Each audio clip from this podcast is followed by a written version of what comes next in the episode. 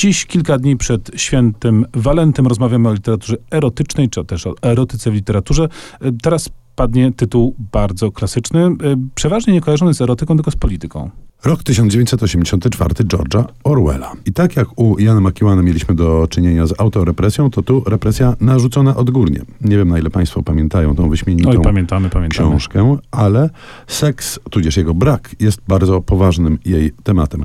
Wielki brak jest przeciwny e, pożyciu jakiemukolwiek. No które... i patrzy cały czas cały czas patrzy i podgląda bezszczelny, e, które służyć miałoby czemukolwiek innemu niż prokreacja. Kochać należy tylko i wyłącznie partię, e, a nie siebie nawzajem i z tym wiąże się cała masa różnych problemów, w tym przedziwne, sadystyczne momentami fantazje erotyczne głównego bohatera. Natomiast scena, która w książce się e, pojawia, którą Państwo pewnie świetnie pamiętają, odbywa się ona na zewnątrz, na polu, mimo że jest środek zimy, jest jak na Orwella przystało wyśmienita. Ja się długo zastanawiałem, jaka jest moja ulubiona scena erotyczna w literaturze e, współczesnej bądź światowej po prostu i chyba padnie jednak na y, powieść pod tytułem Kolejka Władimira Sorokina, rosyjskiego współczesnego klasyka. Y, to jest w ogóle powieść bardzo ciekawa, bo ona składa się wyłącznie z partii dialogowych. Mamy grupę osób, które stoją w kolejce ze sobą rozmawiają i dwie z tych osób, kobieta i mężczyzna, udają się do mieszkania jednej z nich i tam dochodzi do sceny erotycznej, ale jako, że jest to powieść dialogowa, mamy wyłącznie partie dialogowe. Partie dialogowe przez kilka stron składają się wyłącznie wyłącznie z, no głównie samogłosek i niektórych spółgłosek, ale nie układający się w żadne słowa, czyli mamy tam onomatopeiczny zapis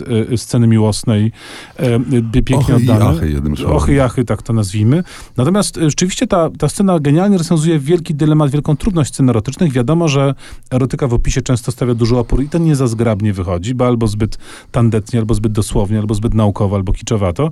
Tutaj czytelnik zostaje sam na sam ze swoją wyobraźnią, która w tym przypadku chyba sprawdzi się po prostu najlepiej. Zawsze z erotyką świetnie radziła sobie poezja, a poezja w Polsce wyśmienita i e, polecałbym Państwu przeczytanie tomiku kapitalnego napisanego przez krakowską e, poetkę, który to tomik nie jest poświęcony erotyce tylko i wyłącznie, tylko w ogóle zmaganiom najróżniejszym, które zachodzą pomiędzy kobietą a mężczyzną i które w relacjach ludzkich pogłębionych, e, tudzież e, pogłębianych regularnie występują. Książka nazywa się raport wojenny i rzeczywiście jest poetyckim zapisem zmagań, jakie między sobą prowadzimy. I to była piąta pozycja na naszej dzisiejszej liście przedwalentynkowej i wyraźnie erotycznej. Oczywiście jest tego znacznie więcej, ale Państwo sami sobie dopiszą ciąg dalszy. Pozostańmy z muzyką Keith Ferreira i do bólu znany klasyczny utwór z filmu Emanuel.